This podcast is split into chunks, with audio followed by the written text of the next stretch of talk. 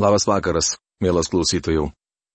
Šiandien toliau keliaujame Naujojo testamento puslapiais. Esame Efeziečiams laiške ir vis dar nagrinėjame pirmąjį skyrių.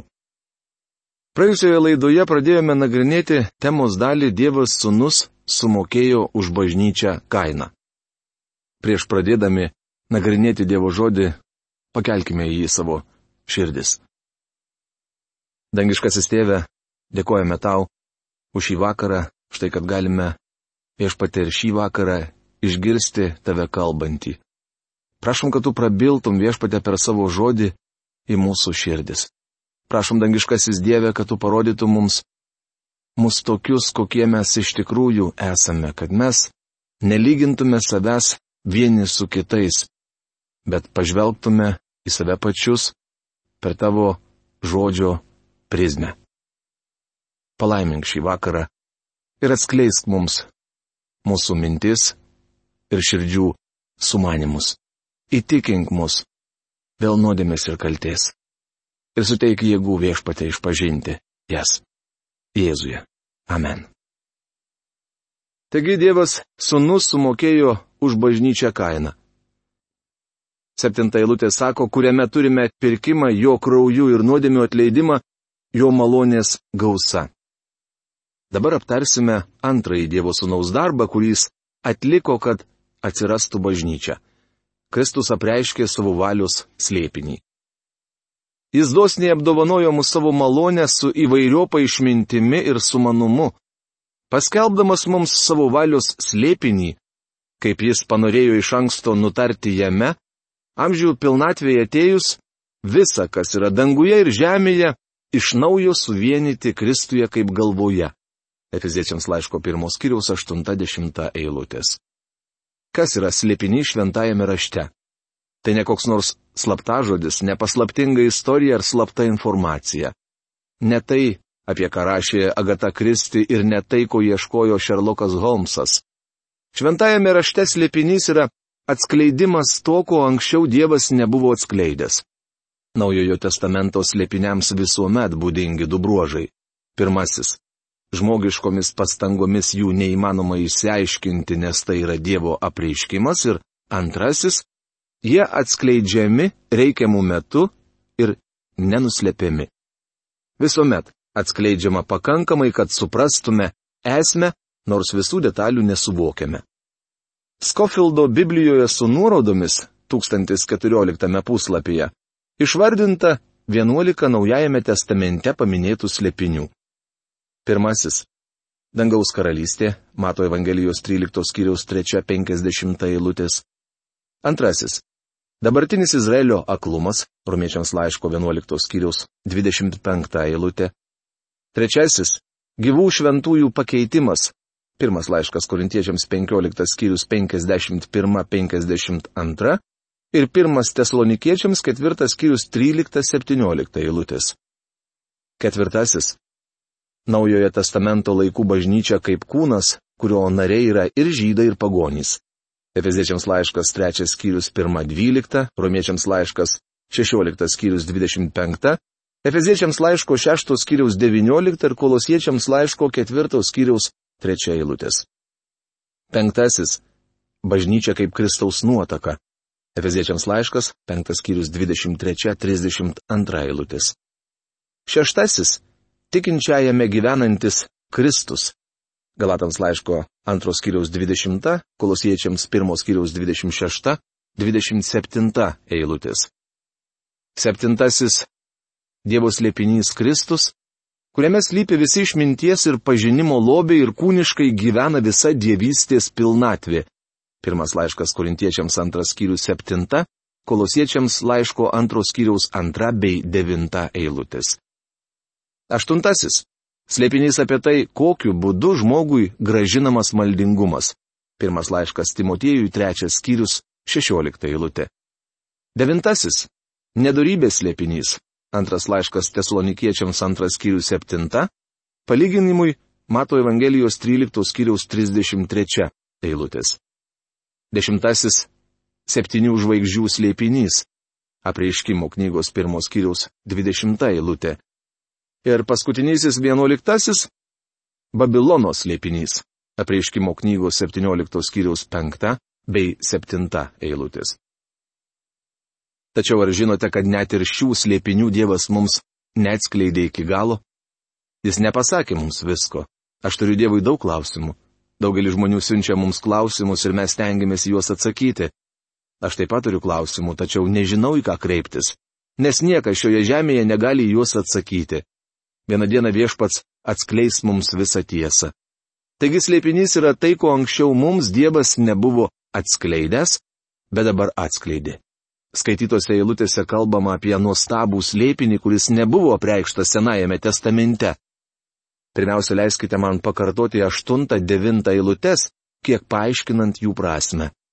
Jis dosniai apdovanojo mūsų savo malonę, su įvairiopa išmintimi ir sumanumu, paskelbdamas, čia vartojamas veiksmažodis apibūdinantis trumpą baigtą veiksmą, mums savo valios slėpinį, kaip jis panorėjo iš anksto nutarti jame, tai yra Kristuje. Atkreipkite dėmesį, kad žodžiai su įvairiopa išmintimi ir sumanumu sėtini su devinta eilute. Koks yra jų valios lėpinys?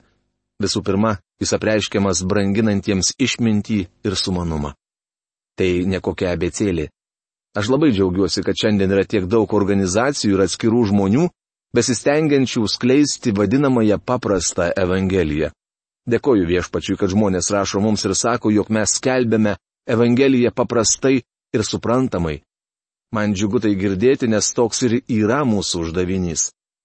Daktaras Ironsaidas sakydavo, dėkite sausainius ant žemiausios lentynos, kad juos galėtų pasiekti ir vaikai. Tačiau paprastoje Evangelijoje esama Dievo išminties gelmių, kurias anaip tol nėra taip paprasta išmatuoti. Mums reikia pasitelkti pagalbon visą savo proto išvalgą, kad įstengtume suprasti, ką nors apie Dievo tikslus ir planą. Dievas nori, kad mes tai žinotume, nes šiandien yra atskleidęs šį slėpinį. Amžių pilnatvėje atėjus, iš naujo suvienyti Kristuje. Profesorius Algirdas Juriena šią eilutės dalį verčia taip. Laikų pilnatvėje įvykdyti, visą suvienyti Kristuje. Laikai, dar vienas painų žodis, kaip ir slėpinys. Dažnai jis suprantamas klaidingai, tačiau tai nuostabus žodis. Kai kurie Biblijos mokytojai jo iš viso nevartoja, nes daug kas jo nemėgsta. Biblijoje yra ir daug nemėgstamų žodžių, pavyzdžiui, kraujas, atpirkimas, kryžius.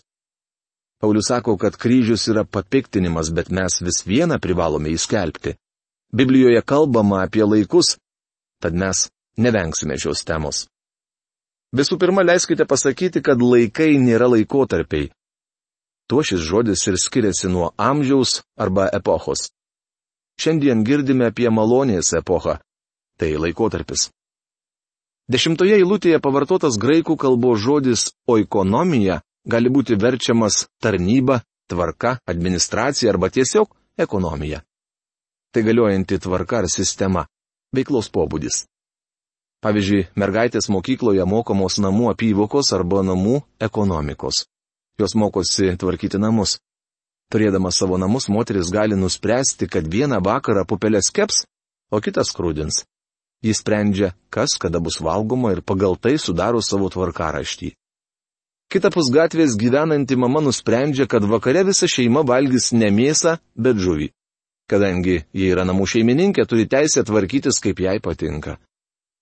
Dar yra politinė ekonomija, kurios mokoma koledžuose. Daugelis jaunų žmonių pasirenka šią sritį ir mokosi vadovauti valdyti tautą. Anglijos valstybė valdoma kitaip nei Amerika. Kiekviena valstybė turi teisę pati pasirinkti valdymo sistemą. Tačiau ne visur valstybės valdymo sistema yra teisinga. Skirtingose šalyse skiriasi net transporto eismas. Pavyzdžiui, Anglijoje automobiliai važiuoja kairė kelio pusė.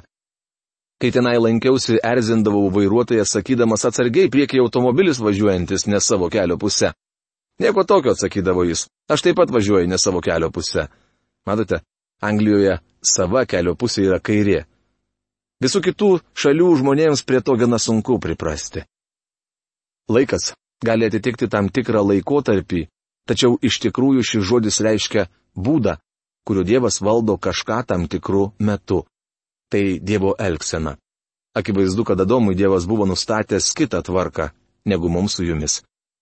manau net aršiausias laikų ar biblinių protarpių priešininkas pripažins, jog Edeno sodas skyrėsi nuo šiandieninės pietų Kalifornijos. Bet o Dievas elgėsi su Adomu kitaip negu elgėsi su mumis. Pirmą kartą atsikėlė į pietų Kaliforniją žmonės mane, jog pateko į Edeno sodą.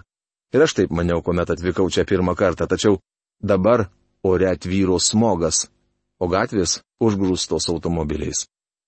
Dievas visais laikais gelbėdavo žmonės vienu būdu. Tai yra vienas išgelbėjimo metodas. Tačiau pats žmogus ir jo artėjimas prie Dievo skyrėsi. Pavyzdžiui, ir Abelis ir Abromas aukojo Dievų javinėlį. Avinėlius Dievui aukojo ir Senojo testamento kunigai. Dievas buvo sakęs, jog taip daryti teisinga. Tačiau tikiuosi praėjusį sekmadienį jūs nesinešėte į bažnyčią avinėlio. Dievas nesako, kad šiandien taip turėtumėte prie jo artintis. Mes gyvename kitokioje ekonomikoje. Laikų pilnatviai atėjus. Kas yra laikų pilnatvė? Visų aspektų apriepti negaliu. Tačiau akivaizdu, jog pagal Dievo valią artėja metas, kai Kristus valdys visą, kas yra danguje ir žemėje. Tai ir yra pilnatvė. Graikiškai pleroma. Kai visa bus pajungta Jėzaus Kristaus valdžiai. Tai tarsi erdvus rezervuaras, į kurį subėga amžiai ir tūkstantmečiai. Visa, kas buvo, yra ir bus, artėja prie to, kuomet kiekvienas kelias turės priklaupti ir kiekvienas liežuvis išpažinti, jog Jėzus yra viešpats. Tai atskleistas lėpinys. Laikų pilnatvėje atėjus visa, kas yra danguje ir žemėje, iš naujo suvienyti Kristuje kaip galvoje. Apie Kristų pasakyta, kad Dievas visą pajungė jo valdžiai. Jeigu jau visą pajungė, tai nepaliko nieko, kas nebūtų jam pajungta. Vis dėlto dabar mes dar nematome, jog visa jam pajungta. Rašoma Hebrajams laiško antros skyrius aštuntoje eilutėje. Čia labai aiškiai sakoma, kad tas metas dar netėjo. Šiandien mes gyvename kitų laikų, kitoje ekonomikoje. Tačiau Dievas apreiškė mums, kas įvyks. Anksčiau jis nebuvo to atskleidęs. Šiandien dangus ir žemė tarpusavį nedėra, mes traukiam savo giesmelę. Čia apačioje mes klausomės roko muzikos, tuo tarpu danguje yra viena uola angliškai rok reiškia uola tai viešpats Jėzus. Jis - kertinis akmuo, ant kurio šiandien stovi bažnyčia. Ateis diena, kai žemė bus suderinta su dangumi, visa bus suvienita Kristuje. Kągi prieiname trečią Dievo Sūnaus darbą, kurį jis atliko, kad atsirastų bažnyčia. Kristus apdovanojo mus paveldu. Jame esame tapę paveldėtojais iš anksto paskirti sutvarkymu to, kuris visą veikia pagal savo valios nutarimą, kad būtume jo didybė šloviai mes, kurie nuo seno turėjome vilti Kristuje. Efeziečiams laiško pirmos kiriaus 11-12 eilutės. Tai dar viena nuostabi tiesa. Jis duoda mums paveldą, apdovanoja už tai, ko mes nepadarėme. Visuotinis Dievo planas ir tikslas yra tas, kad tikintieji būtų Kristaus paveldo dalininkai. Jie bus paveldėtojai draugės su Kristumi, nes yra Kristuje. Paulius rašo, o jeigu esame vaikai, tai ir paveldėtojai. Mes Dievo paveldėtojai ir paveldėtojai draugės su Kristumi, jeigu su juo kenčiame, kad su juo būtume pagerbti, romiečiams laiško 8 skiriaus 17 eilutė. Tad niekas ten nesigiria žmonėmis. Viskas yra jūsų, ar Paulius, ar Apolas, ar Kefas, ar pasaulis, ar gyvenimas, ar mirtis, ar dabartis, ar ateitis. Viskas jūsų bet jūs patys Kristaus, o Kristus - Dievo. Pirmas laiškas korintiečiams, trečias skyrius 21-23 eilutės. Aš tikrai nesuprantu šio nuostabaus Dievo teiginio, tačiau jis pakelia mane nuo kėdės, ant kurios sėdžiu į pačias padangės. Viskas yra mano. Kristus priklauso man, Paulius priklauso man. Net mirtis gali man priklausyti. Visa yra mano. Mano. Nes jis atidavė visą man. Iš džiaugsmo norisi šaukti, Dievas iš anksto visą tai numatė ir paskyrė. Šie žodžiai taikytini išgelbėtiesiems, atminkite, kad pražučiai Dievas niekada nieko iš anksto nepaskyrė. Jis iš anksto paskyrė mus paveldėtojais. Jei man nebūtų paskirtas paveldas, niekada jo negaučiau. Šį apdovanojimą Dievas suteikia iš savo malonės, o ne dėl mano nuopelnų. Tokia Dievo valia. Kitaip jo veiksmų paaiškinti neįmanoma. Tai gera, teisinga ir geriausia. Kodėl? Todėl, kad Dievas taip nusprendė, geriau ir nesugalvosi. Dar kartą pakartosime tris stebuklingus dalykus, kuriuos dėl mūsų padarė Kristus. Jis atpirko mus savo krauju, atskleidė savo valios slėpinį ir apdovanojo mus paveldu. Kaip nuostabu, aš negaliu pralaimėti. Kristus nupirko bažnyčią sumokėdamas už ją kainą. Tada aš priklausau jam. Leiskite pasakyti, kad šiandien bažnyčia labai svarbi viešpačiui. Žemiški mažų žmogeliukų planai nėra svarbus, nors mums gali atrodyti kitaip. Žmonės laksto pirmin atgal su pasaulio projektų rankose, tačiau praeis vos šimtas metų ir jų čia nebebus. Visi bus iškeliavę į amžinybę. Tačiau Dievo planai bus įgyvendinti. Ačiū jam už tai. Dvylikta eilutė yra viena iš tų nuostabių laiškuose esančių eilučių, kuriuose šlovinamas Dievas. Pastebėsite, kad papasakojęs apie tai, ką padarė kiekvienas iš dieviškos trejybės asmenų, Paulius stapteli ir pradeda šlovės giesmę. Jis ką tik baigė pasakoti apie sunaus darbą, tuomet rašo, kad būtume jo didybė šloviai, mes, kurie nuo seno turėjome vilti Kristuje. Dievas egzistuoja ne tam, kad tenkintų tikinčiųjų norus ir užgaidas. Žmogus egzistuoja Dievo šloviai. Komet tikintysis vykdo Dievo valią, Jis gyvena visą vertį gyvenimą, kupina džiaugsmo ir pasitenkinimo. Tačiau jei nevykdote Dievo valios, laukite bėdos. Dievo valios vykdymas suteikia gyvenimui prasme. Mes egzistuojame jo garbiai. Visą beribę ateities amžinybę Dievas galės rodyti į mus ir sakyti, jie nebuvo verti išgelbėjimo. Tačiau aš mylėjau juos ir išgelbėjau. Tai suteikia gyvenimui vertę, prasme, kilnumo, džiaugsmo ir garbės. Šiandien mes egzistuojame jo didybės šloviai. Šioje gesmėje kalbama apie būsimą Kristaus ateimą. Trečioji gesmė, kaip pamatysime, susijusi su šventosios dvasios darbu. Taigi, Dievas šventoji dvasia saugo bažnyčią. Žvelgdami šventosios dvasios darbą matome, kad pirmą jį mus atgimdo, antra yra mūsų prieglopstis ir trečia suteikia mūsų gyvenimui realumo. Pirmiausia, prabylama apie atgimdymą.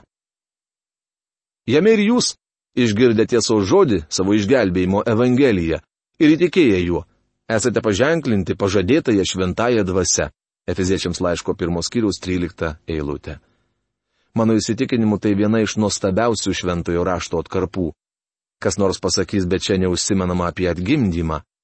Tiesą sakant, užsimenama ir labai nuostabiai.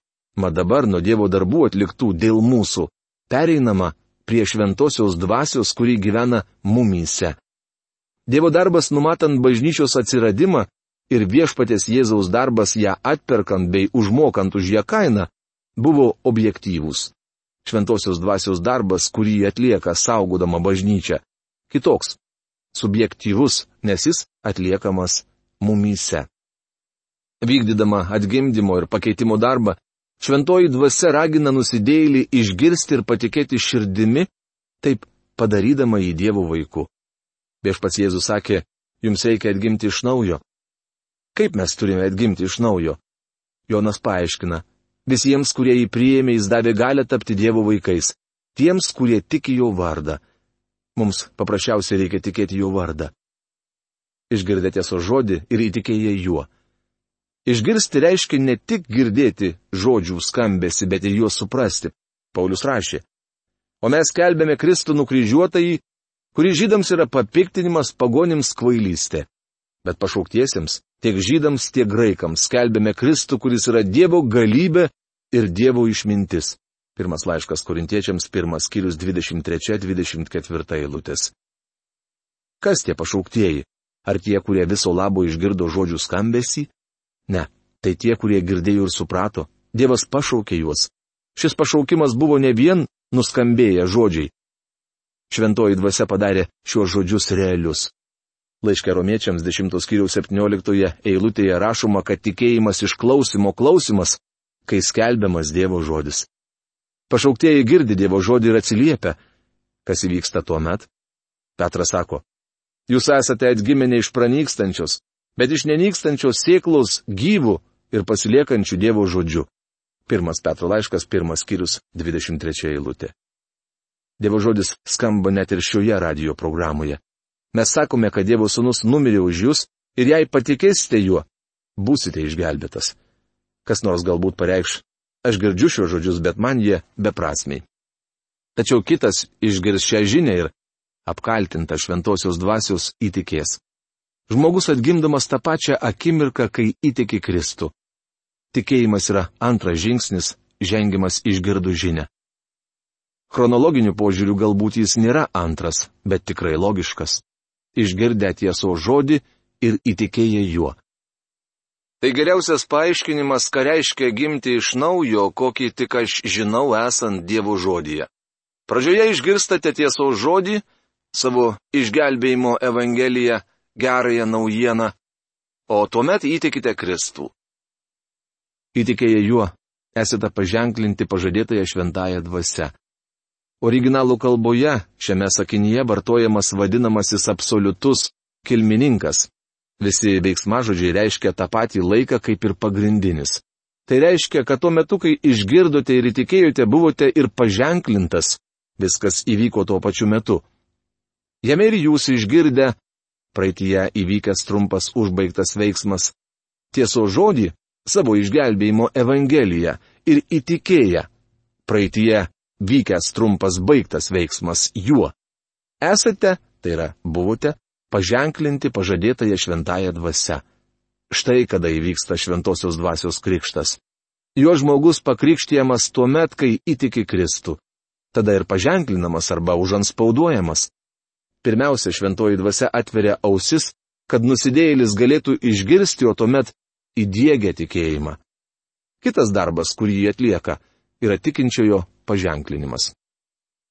Šiandien žmonės ginčijasi, kas užanspauduoja tikintįjį - Dievas tėvas su šventaja dvasia, Dievas sunus su šventaja dvasia ar viena šventoji dvasia. Mane vargina tokie ginčiai. Panašiai viduramžiais buvo ginčijamasi, kiek angelų gali šokti nadatos smaigalio. Toks ginčas veda į aklavietę. Mano supratimu šioje eilutėje sakoma, kad šventoji dvasia yra anspaudas. Dievas tėvas atidavė sūnų numirti ant kryžiaus, tačiau sūnus pasiaukojo savo norų. Taigi ir tėvas ir sunus yra davėjai.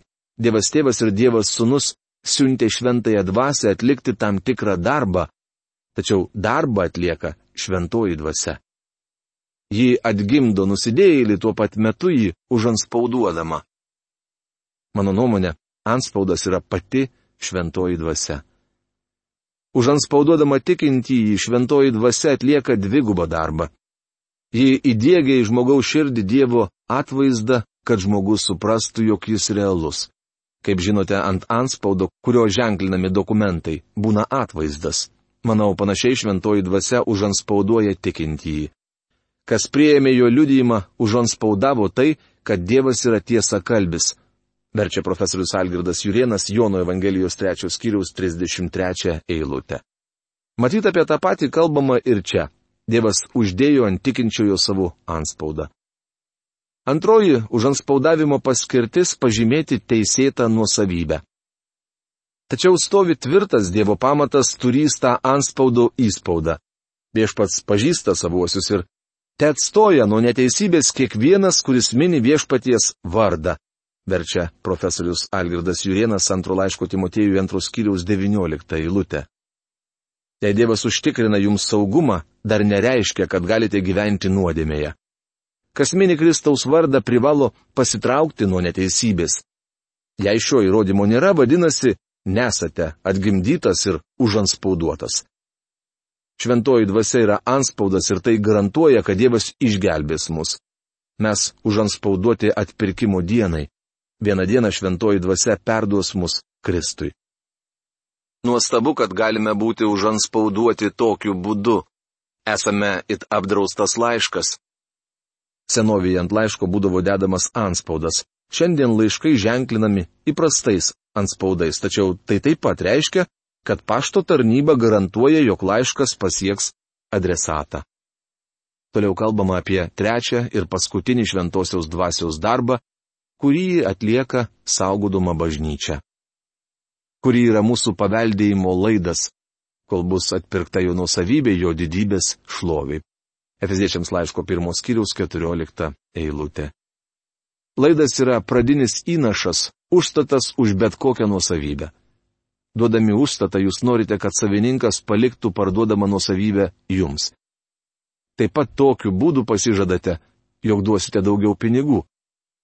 Šventoji dvasia yra mūsų laidas. Ji duota kaip užtatas ir pasižadėjimas, kad bus daugiau dvasinių palaiminimų. Mes jau kalbėjome, kad turime paveldą. Mūsų laukia dar daug nuostabių dalykų. Šventoji dvasia laidoja, garantuoja tai. Visą tai jo didybė šloviai. Tai jau trečioji šlovės giesmė šiame skyriuje. Kaip matėme, Paulius gėda gyriaus giesmę, aptaręs kiekvieno trejybės asmens darbą. Čia sakoma, kad šventoji dvasia atgimdo mus Dievo šloviai, tampa mums prieglopščių ir anspaudu ir suteikia realumo. Visos šios šlovingos tiesos skatina Paulių melstis. Mielas klausytojų, o ar jūs esate atgimęs?